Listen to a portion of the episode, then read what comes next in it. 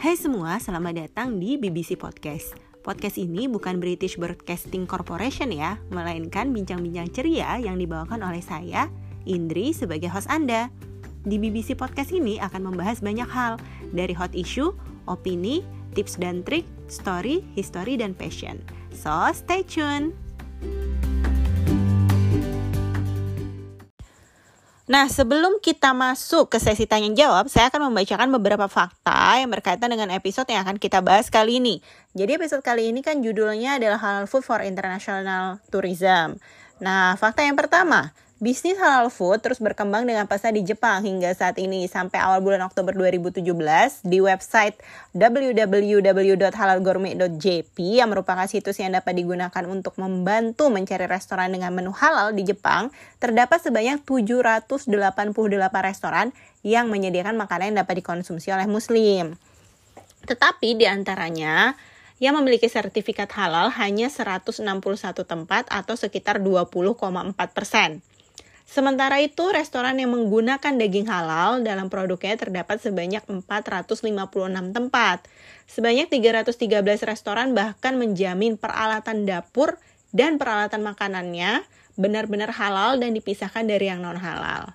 Nah, e, fakta yang kedua, dalam mengakomodasi budaya dan kepercayaan wisatawan dari negara berpenduduk mayoritas Islam, KTO atau Korean Tourism Organization meningkatkan jumlah restoran halal dari semula sebanyak 135 restoran menjadi 252. Tercatat 117 restoran halal baru, di mana 75% dari restoran ini merupakan restoran yang terletak di daerah pedesaan yang mana diharapkan dapat mengakomodir wisatawan muslim yang mengunjungi daerah pedesaan. Jadi nggak cuma di kota nih. Lebih jauh, KTO meluncurkan acara Pekan Restoran Halal sepanjang bulan September dan Oktober di tahun 2017 di Seoul yang bertujuan memasarkan makanan-makanan khas Korea yang sudah bersertifikasi halal dan sekaligus sebagai kegiatan promosi budaya dan pariwisata. Hal ini tentunya berdampak signifikan pada pendapatan sektor pariwisata Korea. Oke, teman-teman semua, eh, kembali lagi di episode BBC bincang-bincang ceria. Nah, di judul kali ini, kalau pekan lalu kita udah ngomongin tentang girl stock ya, tentang kosmetik, habis itu tentang diet, habis itu pekan sebelumnya kita ngomongin tentang sampah, habis itu juga merkuri gitu. Nah, di pekan ini uh, topiknya adalah halal food for international tourism.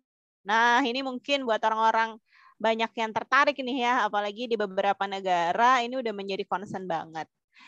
Nah, pasti tahu kan yang pernah ke Korea, Jepang, dan beberapa negara lain, halal food itu menjadi yang tidak sulit lagi dicari. Kalau misalnya dulu mungkin kita sulit, sekarang udah enggak gitu. Karena pemerintah setepat juga melihat nih potensi pasar yang ada di industri turis ini, khususnya di halal food. Terus gimana sih detailnya dari topik ini? Nanti kita akan bahas uh, dengan guest ini. Nah, guys, pada hari ini tuh nama lengkapnya adalah Mas Rahmat Adi Rianto. Biasa kita panggilnya Mas Adi lagi kuliah PhD di Jepang, terus juga lagi bekerja nih di salah satu perusahaan Indonesia di Jepang. Nah, untuk lebih jelasnya kita langsung tanya nih dan kita sapa Mas Adi. Halo Mas Adi. Halo Mbak Indri, selamat sore. Apa kabar? Sore, malam ya di sana ya? Kita masih sore sih karena baru maghrib di sini. Kan summer ya, jadi maghribnya agak telat gitu kan. Oh, I see. Ya benar summer di sana ya. Oke, Mas Adi sekarang uh, lagi di lokasinya di kota atau apa ya? Kalau di Jepang itu prefektur gitu. Nah, di iya. mana nih lokasinya? Aku di kota Gifu, prefektur Gifu. Itu sekitar satu jam lah kalau dari Nagoya. Dari Nagoya satu jam, benar. Nah, terus uh, sekarang berarti lagi sibuk apa aja nih, Mas? Mungkin bisa diceritakan aktivitas saat ini sama latar belakang studi kemarin. Oke, aku sekarang masih PSD student ya, masih mahasiswa S3 di Gifu University. Eh, untuk keilmuan aku itu di bidang food technology. Sekarang masih menyelesaikan itu, tapi juga sudah mulai kerja di Sari Raya Co Ltd, itu sebuah perusahaan Indonesia yang berdiri sejak tahun 2005 bergerak di bidang bisnis makanan halal di Jepang. Nah, di situ aku sebagai manajer halal food quality assurance and market research gitu. Sebelumnya aku S1 di UNS, jurusan Ilmu Teknologi Pangan, kemudian lanjut S2-nya di University of Leeds di Inggris dengan program studi Food Science and Nutrition atau pangan dan gizi. Nah, sekarang masih berhubungan sama pangan, jadi nggak jauh-jauh di bidang itu sih bidangku. Oke, jadi pangan ya nggak jauh-jauh dan oh, ini ya kalau bisa dibilang linear ya masih ada dari S1, S2, S3 nih yang iya. diambil. Iya. Iya bener, alhamdulillah linear. Karena memang dulu targetnya pengen jadi akademisi di bidang itu ya, tapi setelah beberapa tahun di Jepang, kemudian tawaran untuk uh, bekerja di bidang pangan juga di sini, ternyata menarik juga untuk jajaki di, di dunia industri pangan juga di sini gitu. Oke, pas banget nih sama topik kita pada episode kali ini. Nah, kita langsung ke sesi tanya jawab nih, Mas ya. Hmm. Yang pertama, uh, kalau dari Mas Adi sendiri nih, ngelihat tren halal food di industri pariwisata di internasional selama 10 tahun terakhir ini bagaimana? Apakah ada perubahan signifikan yang bisa kita Iya, kalau misalnya aku lihat sebenarnya saat ini untuk industri pangan halal uh, itu baik itu untuk pariwisata maupun untuk keperluan harian gitu ya semakin meningkat ya baik itu di dunia yang mana Islam merupakan agama minoritas maupun di mana Islam merupakan agama mayoritas seperti di Indonesia. Nah, kalau untuk di negara-negara minoritas seperti ini, kalau kita dengar dari cerita-cerita yang dulu pernah kuliah di luar negeri ya, untuk mencari makanan halal itu susah, mencari tempat sholat juga susah. Tapi sekarang ini sama uh, sama sekali susah ya karena banyak sekali restoran-restoran yang menawarkan menu halal, kemudian untuk belanja produk-produk halal juga bisa dengan gadget kita gitu. Jadi sangat mudah untuk mendapatkan produk-produk halal walaupun jumlahnya juga masih terbatas. Jadi memang ini menjadi peluang yang besar ya untuk bagaimana kita bisa mengembangkan industri makanan halal terutama di negara minoritas yang mana di situ juga banyak pendatang dari negara-negara muslim gitu yang nanti akan tinggal di situ maupun hanya sekitar untuk berwisata. Jadi industri makan halal untuk industri wisata halal itu sangat sangat berpotensi untuk dikembangkan ke depannya gitu Mbak Indri. Oke Mas, nah sebelum tinggal di Jepang kan Mas juga pernah kuliah di UK ya Mas. Nah kalau misalnya bandingkan dua negara ini, satu Eropa, satu Asia. Nah itu gimana nih Mas tentang halal food untuk international tourism di dua negara ini? Iya, kalau dibandingkan antara di UK maupun di Jepang atau di Jepang ya, karena memang aku pernah tinggal di dua negara ini. Ketika dulu aku di UK, mungkin hampir di setiap kota-kota besar yang ada di sana itu pasti ada restoran halalnya gitu. Baik eh, itu yang menawarkan menu-menu uh, Asia Tenggara seperti Indonesia Malaysia kemudian atau juga uh, yang menawarkan menu-menu Timur Tengah gitu. Menu-menu seperti kari kemudian biryani dan lain sebagainya gitu. Dan ya ketika tinggal di UK untuk mencari makanan halal juga gampang. Bahkan di di kampus saya di University of Leeds itu bisa dikatakan sepelemparan batu aja di depan kampus itu udah nemu presto yang menjual makanan halal. Ada beberapa bahkan nggak cuma satu.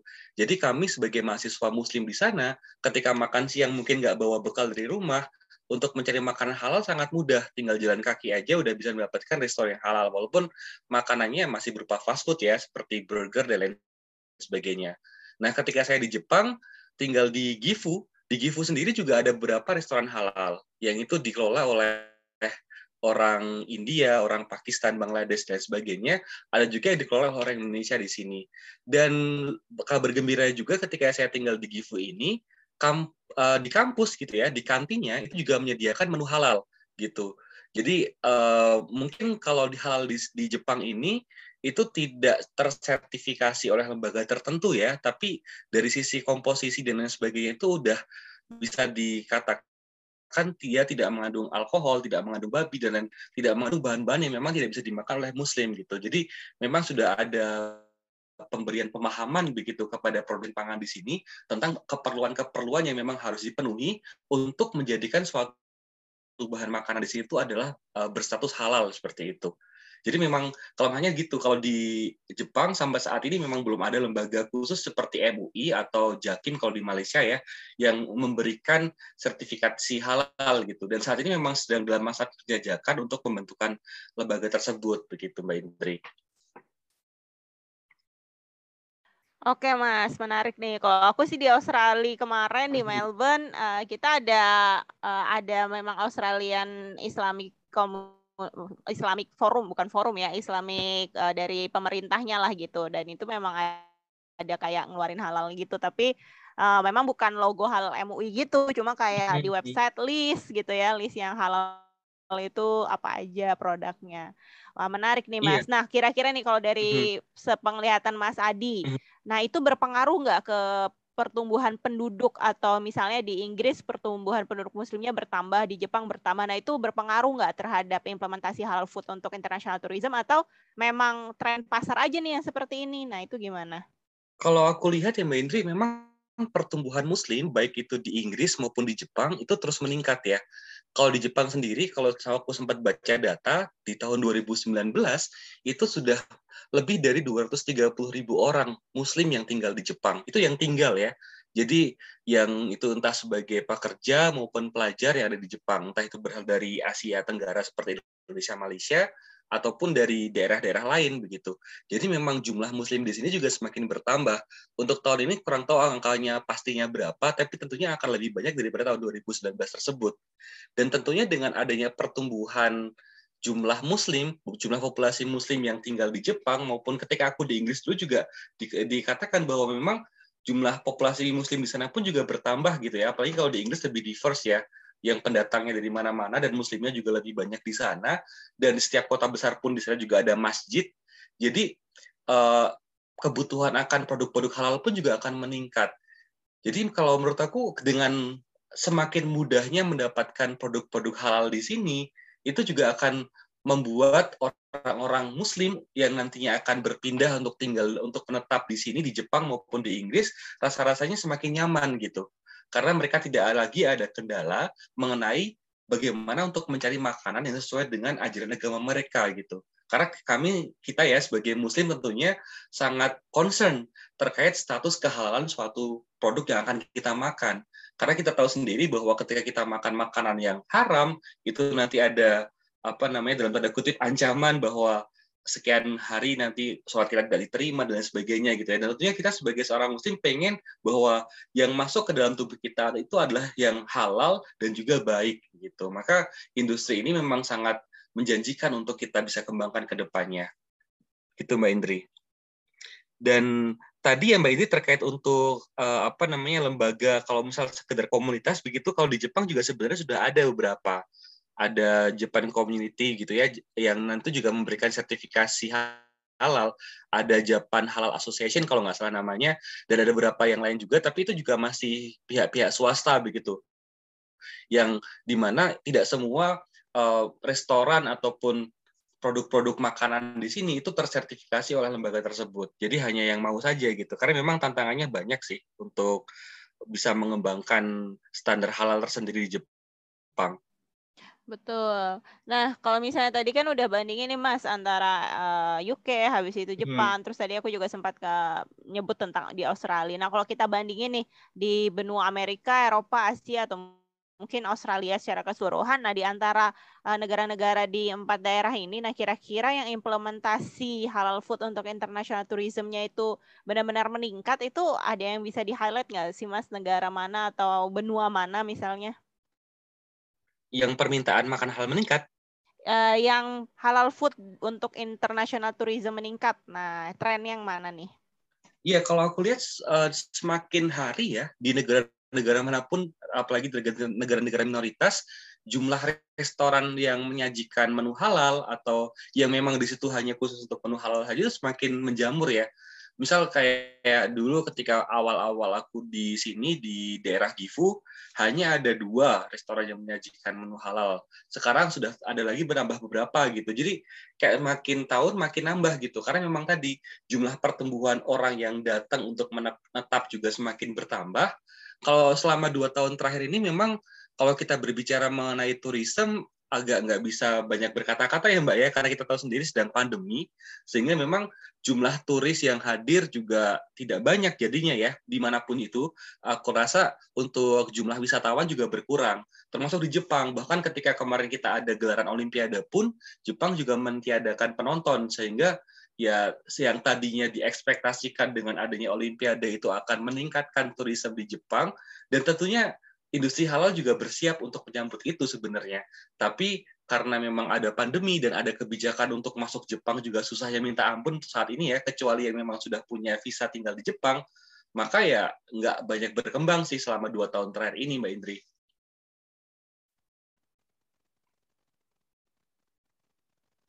Oke Mas, uh, iya sih kalau misalnya untuk pandemi memang agak susah ya karena juga kita terbatas banget nih banyak restriction dan lain sebagainya. Mm -hmm. Nah, kalau misalnya di Jepang sendiri tadi Mas Adi udah cerita nih. Nah, kalau misalnya berkenaan dengan pekerjaan atau studi Mas Adi, ada nggak sih yang bisa di-share ke kita tentang di Jepang ini misalnya pemerintah dalam lima tahun terakhir ada peraturan khusus atau uh, bagaimana gitu. Nah, ada nggak sih yang bisa diceritakan Mas? Iya, sebenarnya kami, saya juga salah satu termasuk yang sedang terlibat ya untuk uh, penyusunan sebuah Japan Domestic Halal Standard Formulation Committee. Jadi itu akan merumuskan gitu ya, bagaimana standar halal di Jepang yang memang bisa diaplikasikan di Jepang begitu. Karena kalau misalnya kita mengikut uh, standar halal yang ada di negara lain seperti Indonesia maupun Malaysia, itu terlalu apa ya mungkin bisa dikatakan terlalu ribet untuk diaplikasikan di sini. Karena memang standar halal di Indonesia itu sangat ketat ya, yang mana untuk menyatakan suatu produk halal itu memang harus dirunut dari proses produksinya dari awal hingga akhir begitu. Kemudian ketika di restoran memang harus benar-benar memisahkan antara uh, produksi makanan yang halal dengan non halal. Bahkan ada beberapa yang yang menyaratkan kalau memang itu akan tersertifikasi halal, maka restoran tersebut hanya boleh menyajikan menu yang halal saja gitu. Dan tentunya restriksi seperti ini atau ketentuan-ketentuan seperti ini itu agak susah untuk bisa diterapkan di Jepang yang mana memang uh, kalau kita lihat menu utama di Jepang itu kebanyakan justru menggunakan barang bahan-bahan yang non, non halal ya bisa dikatakan seperti babi dan lain sebagainya itu hampir masuk di setiap menu yang ada di uh, apa namanya menu-menu di restoran Jepang gitu. Makanya ini sedang dipikirkan bagaimana rasanya, bagaimana caranya agar nanti ada sebuah standar yang bisa diterima oleh Muslim, tapi juga bisa diterapkan secara lokal di Jepang ini gitu Mbak Indri. Itu yang sekarang sedang dalam proses untuk penjajakan. Dan dalam waktu dekat kita juga akan ada meeting lagi ya untuk membahas ini lebih lanjut gitu Mbak Indri. Jadi memang banyak tantangan tentunya untuk bagaimana kita bisa uh, apa menerapkan standar halal yang ada di Jepang sehingga semakin banyak restoran-restoran di Jepang yang bisa tersertifikasi halal atau paling tidak bisa menyediakan menu halal sehingga kita sebagai muslim pun juga akan diuntungkan tentunya karena semakin banyak tempat-tempat yang bisa kita kunjungi dan menyediakan menu-menu yang bisa kita konsumsi gitu Mbak Indri. Iya Mas, benar banget. Kalau kita di Indonesia kan biasanya kita ikut pemerintah ya, misalnya ikut MUI hmm. gitu. Misalnya MUI udah ngeluarin standar ya udah kalau misalnya nggak ada halalnya itu biasa kayak orang-orang itu kayak langsung um, apa ya ngejudge wah ini tuh nggak halal padahal kan di Indonesia nggak semua produk juga uh, sanggup untuk membayar sertifikasi halal. Nah di Indonesia sendiri kan sebenarnya lebih ke satu mazhab ya walaupun memang nggak pernah di set kalau kita ini satu mazhab. Tapi kalau misalnya kita di luar negeri kan kadang diskusi halal haram itu agak diverse gitu. Kayak misalnya ya tergantung oh. nih mau pakai mazhab mana gitu. Nah jadi uh, mazhab hambali yang ini boleh tapi yang ini enggak. Nah kalau di Jepang iya. sendiri ada nggak sih pembahasan kayak gitu? Atau yang dipakai udah ada satu standar mazhab tertentu gitu mas? Nah itu itu yang sekarang sedang dalam penjajakan Mbak Indri. Karena memang kalau misalnya kita apa namanya lihat ya yang di Indonesia itu adalah standarnya itu standar yang paling paling beratnya ibaratnya gitu agar semua mazhab itu bisa menerima gitu. Tapi ketika di Jepang nanti kita gunakan standar yang paling ringannya, bisa jadi justru beberapa jadi nggak menerima gitu. Maka sekarang sedang sedang dijajaki ini kira-kira standar seperti apa yang kira-kira nanti bisa diterapkan di Jepang gitu Mbak Indri. Karena memang banyak tantangan ya. Jadi uh, apa namanya? Untuk kebutuhan sertifikasi dan sebagainya itu ya ketika itu menjadi sebuah hal yang ribet untuk diurus, tentunya nanti eh, restoran-restoran atau perusahaan-perusahaan makanan di Jepang juga akan enggan untuk mengurus itu gitu.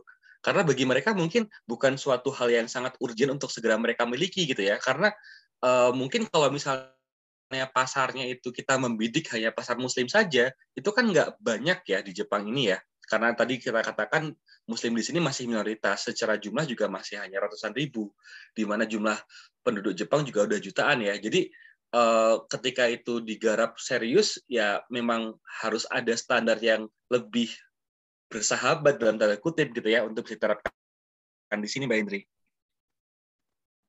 Oke Mas, nah kalau misalnya tadi kita udah ngomongin tentang tentang international tourism nih, kalau misalnya di Indonesia sendiri kan halal turis atau halal food ini juga ya sesuatu yang udah biasa gitu ya. Nah tapi kalau halal turis di mana ada hotel turis, habis itu makanannya halal food semua dan lain sebagainya itu juga sebenarnya sedang dilakukan pemerintah juga gitu karena Indonesia kan mayoritas muslim. Nah, kalau misalnya di Indonesia sendiri tentang penerapan ini dan perkembangannya menurut Mas Adi gimana? Signifikan nggak atau berjalan seperti kura-kura atau seperti apa? Iya, sebenarnya ya walaupun tidak ada istilah halal tourism ya di Indonesia sekalipun, aku rasa untuk beberapa daerah yang memang di situ itu penduduknya mayoritas muslim, tentunya akan melaksanakan halal tourism secara tidak langsung gitu ya, walaupun tidak digaung-gaungkan ini halal tourism. Karena yang dimaksud dengan halal tourism itu adalah bagaimana di tempat-tempat wisata itu kita bisa menemukan dengan mudah makanan-makanan yang halal, kemudian tempat ibadah, dan misalnya yang hotel pun juga sesuai dengan syariat gitu ya, tidak mengizinkan kumpul kebo dan lain sebagainya gitu ya. Jadi hal-hal seperti itu tentunya kan sudah dilaksanakan ya jadi uh, yang didorong untuk men, me, apa ya namanya menambah lagi atau menggelorakan halal turisme seperti ini itu adalah di daerah-daerah yang tentunya di mana Islam di sana masih minoritas. Misal seperti di Bali. Saya juga pernah punya pengalaman ya ketika saya wisata ke Bali untuk mencari makanan yang halal itu juga sesusah ketika saya di Inggris gitu karena um, hampir semua resto yang ada di sana itu juga menyediakan menu babi gitu kan sehingga kita sebagai muslim kan nggak bisa mengkonsumsi jadi memang ketika berada di sana pun harus mencari mana warung makan atau restoran yang di situ ada sertifikasi halalnya gitu. Atau paling tidak ya meskipun itu bukan sertifikat resmi dari lembaga resmi seperti MUI atau yang lain tapi setidaknya ada self claim bahwa menu yang disajikan adalah menu halal. Atau kalau misalnya tidak seperti itu pun juga minimal kita cari yang pemiliknya itu muslim sehingga kita juga bisa yakin bahwa insya Allah mereka juga menyajikan menu-menu halal begitu Mbak Indri.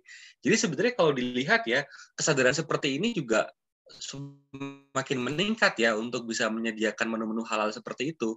Tapi kalau dilihat juga ada beberapa mis konsep atau atau mispersepsi dari masyarakat lain bahwa seolah-olah ketika kita menggelorakan atau menggerakkan wisata halal itu seperti mengislamisasi wisata pariwisata padahal bukan seperti itu kan konsepnya kan dengan uh, wisata hmm. halal ini kan sebenarnya kan dengan tadi menyediakan kebutuhan bagi wisatawan muslim gitu.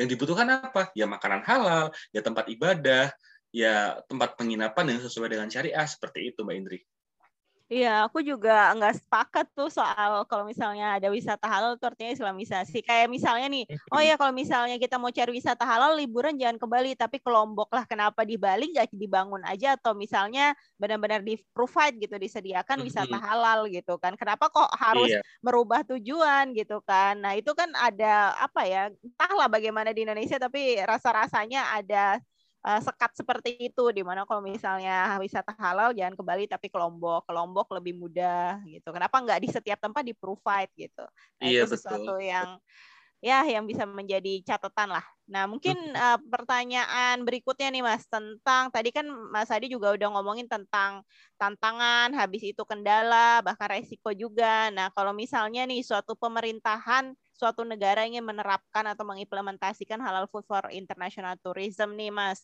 Nah, mhm. kira-kira langkah termudah apa sih yang bisa dilaksanakan apakah dengan membangun organisasinya dulu, menerapkan sertifikatnya dulu atau seperti apa sih Mas yang bisa dilakukan?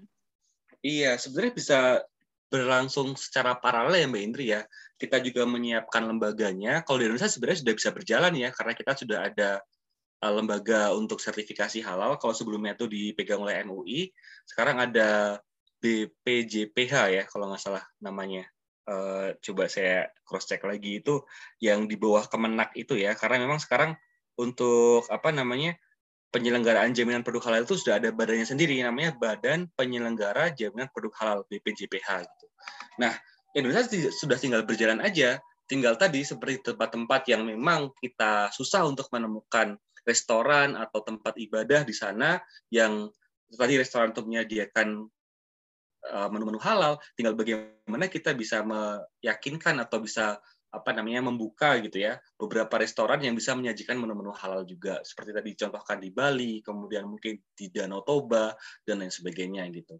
Nah bagi negara-negara yang memang belum punya lembaga seperti ini ya setidaknya bisa memberikan uh, pemahaman kepada industri makanan di sana ya terutama industri yang menyediakan uh, restoran-restoran seperti tadi itu juga untuk memberikan gambaran bahwa ada peluang bisnis, ada peluang wisatawan yang akan datang, yang mana mereka ini adalah Muslim yang membutuhkan makanan dengan kriteria khusus gitu. Dengan adanya kesadaran seperti itu dan mereka juga sudah dipahamkan tentang konsep halal, aku yakin ke depan juga akan semakin menjamur itu restoran-restoran yang akan menyediakan menu halal. Sambil kita juga menyiapkan adanya lembaga sertifikasi khusus sehingga adanya menu halal itu itu tidak yang serta-merta diklaim secara pribadi oleh pemilik restoran, tapi memang sudah tersertifikasi sehingga bisa meyakinkan si turis-turisnya itu. Nah, kalau di Jepang sendiri juga sebenarnya ada uh, apa namanya standar lain yang bisa belum dikatakan halal, tapi disebutnya itu Muslim friendly menu. Jadi di Muslim friendly menu ini memang menunya tidak ada babi, tidak ada alkohol gitu ya, dan memang uh, apa namanya sudah diproses sedemikian rupa sehingga sehingga bisa memenuhi standar untuk bisa dimakan oleh seorang muslim. Tapi mungkin untuk standar yang sangat ketat terkait halal itu ya tidak sepenuhnya terpenuhi gitu. Maka disebutnya muslim friendly menu. Dan itu pun beberapa orang muslim yang mungkin lebih uh, longgar gitu ya, itu juga mengkonsumsi makanan-makanan seperti itu. Jadi itu akan mempermudah juga. Jadi buat nanti negara-negara yang memang di situ Muslim sebagai minoritas, kemudian di sana juga banyak wisatawan Muslim yang akan datang, aku yakin dengan menyediakan menu-menu halal seperti ini, memberikan kesadaran kepada, kepada pelaku wisata, terutama penyedia makanan, dan menjelaskan tentang konsep halal itu seperti apa, sambil menyediakan lembaga tadi untuk sertifikasi, itu akan menjadi suatu hal yang sangat baik ke depannya, Mbak Indri. Oke Mas, iya benar banget tadi di level pemerintah atau level policy sampai di level grassroots. Karena tadi self claim kalau misalnya ini ada halal itu juga sesuatu yang apa ya membuat para konsumer juga uh, menjadi akhirnya memilih ke situ gitu kayak misalnya ketika di Bali atau misalnya di luar negeri ketika kita ngeliat tulisan mhm. halal aja kan pasti kita langsung wah ya udah kita bisa ke sana gitu. Nah, artinya kan iya. peluang iya. usahanya juga banyak eh, gitu. Tapi tapi Mbak ini pernah lihat nggak Mbak ada beberapa cerita yang unik hmm. gitu ya? Karena uh, belum pahamnya orang-orang tentang konsep halal, mereka menuliskan uh, apa logo halal pada makanan yang sejatinya tuh haram gitu. Aku pernah lihat kayak ada foto ada foto di Korea gitu yang menunya tuh babi tapi tulisnya halal gitu. Jadi memang mereka niatnya menarik wisatawan untuk bisa makan di situ tapi nggak paham konsep halal. Maka tadi memahamkan pelaku wisata tentang konsep halal itu penting banget Mbak Indri. Agar tidak menjebak wisatawan juga kan? Takutnya tadi karena self claim ini halal tapi mereka nggak paham itu apa itu halal. Mereka cuma nulisin halal aja ternyata nggak halal gitu. Kan membingungkan juga bagi wisatawannya kan? Iya benar-benar. Sama juga ya tadi praktek Islam itu dalam memakan makanan halal haram kan juga beda-beda tadi Mas. Ada yang longgar, oh, ada yang ketat gitu kan. Misalnya ada yang uh, oh ya selama di situ dipisah nih tempat eh, masaknya gitu ya hmm. eh, walaupun ada babi tapi dipisah tempat masaknya nggak apa-apa ataupun misalnya ada juga yang oh ya makan tapi nggak boleh ada yang menjual alkohol gitu sedangkan di iya. beberapa yeah. tempat yang walaupun dia muslim dia tetap uh, menjual alkohol itu banyak gitu ya kalau di luar negeri nah yeah. jadi memang ada beberapa tingkatan dan sebenarnya harusnya dengan kita pelaku bisnis atau dari pemerintah juga melihat potensi ini di mana diversnya bukan diverse ya tapi muslimnya yang uh, keputusannya antara yang longgar yang berat itu tuh harus bisa hmm. diakomodir oleh para pelaku bisnis. Sepakat Oke, banget. Mas Adi. sepakat banget. Uh, kalau dari Mas Adi sendiri nih, preference kalau di Jepang atau selama di UK gitu, biasanya lebih memilih yang seperti apa nih kalau untuk memilih halal food? Nah, mungkin di sini uh, dari pendengar juga pengen tahu sebenarnya batasannya apa sih kalau di luar negeri halal food? Nah, kalau dari Mas Adi gimana uh, personal yeah. preference lah? Yeah. Ya betul. Ini seperti yang Mbak Edi barusan sampaikan ya ini memang benar-benar personal preference banget ya karena memang satu dengan orang lain pasti akan berbeda-beda ya untuk bagaimana bisa menyeleksi makanan mau makan yang mana gitu. Nah kalau di Jepang ini Mbak Indri kita sekarang diuntungkan ada sebuah aplikasi namanya Japan Halal. Aku lihat tadi yang download sudah sekitar seribuan orang lebih. Dari situ tuh dia bisa scan uh, barcode dari produk makanan kemasan atau minuman kemasan dan bisa men menampilkan status kehalalannya. Jadi dari pihak pengelola aplikasi ini, aplikasi Japan Halal ini, mereka itu menghubungi pihak uh, produsen atau pabriknya untuk memastikan bahwa produk ini diproduksi dengan bahan-bahan yang halal dan memenuhi kaidah proses yang bisa dikatakan halal juga gitu Mbak Hendri. Jadi dengan aplikasi ini tuh kita bisa lihat oh ini halal, ini haram gitu. Nah, aku sering cek dengan itu. Jadi ketika aku misalnya datang ke kombini, kombini itu apa sih kalau bahasa kita kayak Indomaret. di minimarket gitu ya, minimarket ya. Hmm. Nah, uh, convenience stores uh, kalau bahasa Jepangnya kombini. Nah, itu uh, kalau misalnya mau beli jajan, snack ataupun minuman, aku cek dulu di situ. Kalau misalnya karena di, di Jepang ini kan uh, apa namanya ingredientsnya kan tertulis pakai bahasa Jepang. Jadi kadang untuk orang-orang asing yang mungkin nggak terlalu paham bahasa Jepang, itu juga challenging ya untuk bisa paham ini apa aja kontennya. Dan juga ada beberapa bahan dasar yang memang itu menjadi salah satu lampu kuning lah ya atau lampu merah mungkin ya untuk peringatan bahwa harus hati-hati ketika mengandung bahan tersebut. Salah satunya misalnya mengandung nyukazai atau dalam bahasa Inggrisnya emulsifier. Karena emulsifier yang digunakan di perusahaan di makanan di Jepang itu banyak yang terbuat basisnya dari babi gitu. Sehingga ketika ada produk yang dia mengandung nyukazai atau emulsifier, itu seolah-olah mengatakan kalau itu haram, tapi belum tentu juga. Makanya dengan adanya aplikasi seperti tadi, ada lembaga yang pengelola aplikasi itu cross check ke produsennya, makanya apakah ini nyukazenya dari basisnya itu tanaman atau dari hewani gitu ya, sehingga kita tahu lebih yakin gitu. Oh ini ada nyukaze tapi nggak apa-apa gitu. Karena kan emulsifier ya kita tahu ya itu nggak semuanya dari hewani gitu. Dan ada beberapa produk-produk lainnya pun yang seperti itu juga gitu. Kemudian eh, apa namanya? Kalau aku sendiri sekarang memang kerjanya di sebuah perusahaan Indonesia yang memang itu bisnisnya itu di distribusi makanan halal dan itu makanan-makanan kebanyakan diimpor dari Asia Tenggara seperti Indonesia, Malaysia, Thailand gitu ya. Yang di situ sudah jelas ada logo halalnya. Jadi aku lebih, kadang lebih prefer untuk ambil makanan-makanan dari situ, Mbak Indri. Atau juga eh, kalau misalnya untuk yang lain misalnya menu-menu yang sudah sudah sudah halal ya, seperti ikan, kemudian sayur-sayuran, buah-buahan itu juga dikonsumsi. Jadi aman gitu. Kalau untuk makan di luar, makan di restoran, aku cari makanan yang memang itu sudah tersertifikasi halal atau paling enggak self claim halal. Misal kayak di perusahaanku itu juga ada restoran.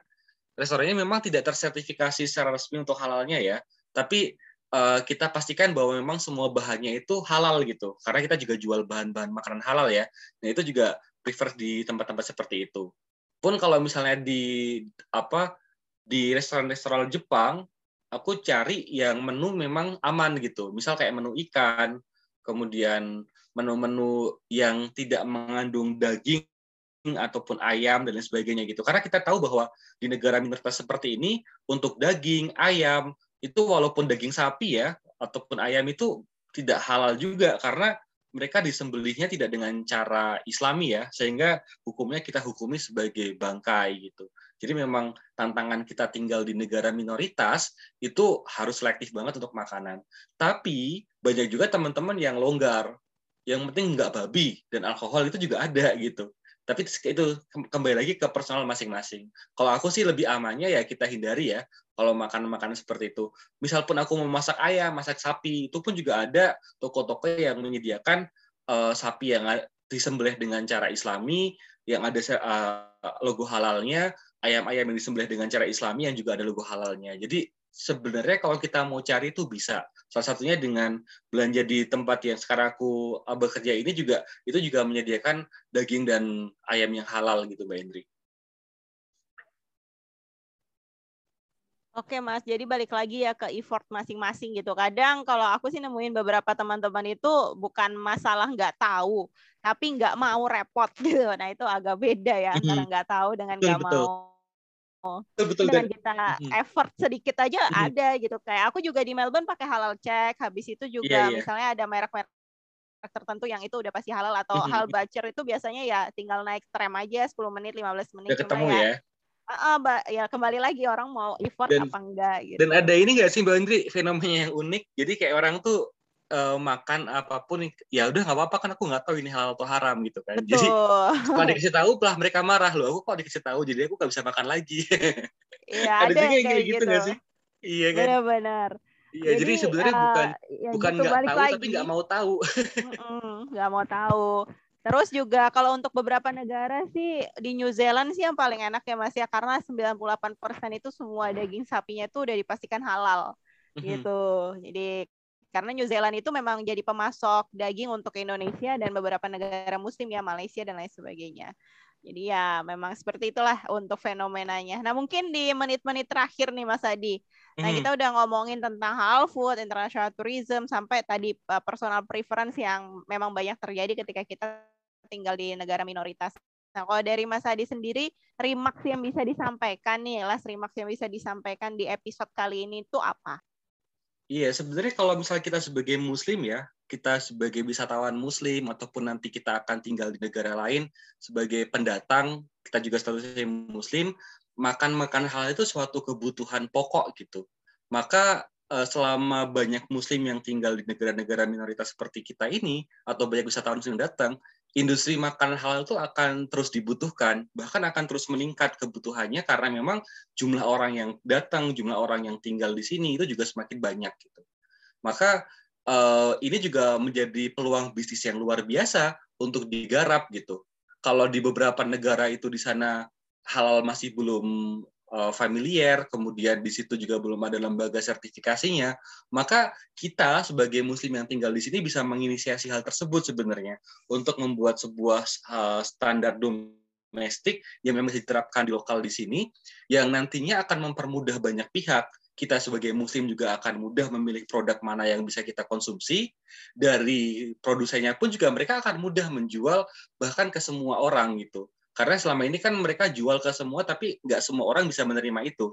Tapi dengan adanya sertifikasi halal adanya logo halal yang tercantum di kemasan itu akan memudahkan konsumennya juga. Sehingga mungkin dari hasil sisi penjualan mereka pun juga akan meningkat gitu. Jadi ini suatu peluang yang luar biasa untuk bisa digarap. Dan Indonesia sebagai salah satu negara dengan jumlah populasi muslim terbesar untuk bisa meningkatkan uh, apa namanya turis lokal juga terutama ya dan yang akan berkunjung ke negara uh, di daerah-daerah di Indonesia yang mana Islam di situ minoritas maka menyediakan kebutuhan mereka sekedar seperti tempat ibadah tempat sholat ada musola misalnya dan juga ada makanan halal untuk menggaitkan tadi yang disebut dengan pariwisata halal itu menjadi suatu hal yang penting juga agar ya di mana-mana kita bisa mendapatkan produk halal gitu Mbak Indri. Oke Mas Adi, makasih banget udah mau ngisi podcast kita hari ini. Semoga Mas Adi selalu sehat di sana. Amin. Dan ya semoga keadaan juga cepat membaik biar ya tadi industri dan lain sebagainya bisa kembali berkembang. Ya, uh, mungkin kita Mbak bisa tutup ya episode kali ini dengan tadi mengutip kata Mas Adi uh, ada banyak peluang dan sebenarnya juga tugas kita untuk memahamkan pelaku bisnis gitu tentang pentingnya bisnis uh, dari halal food ini kalau misalnya kita muslim ataupun ketika buat teman-teman yang non muslim dan melihat ini potensi bisnis jangan jangan nggak mau tahu gitu maksudnya ini suatu peluang yang bisa banget menghasilkan uh, keuntungan yang berkali-kali lipat. Oke, terima kasih Mas Adi dan buat teman-teman semua jaga kesehatan selalu. Sampai jumpa.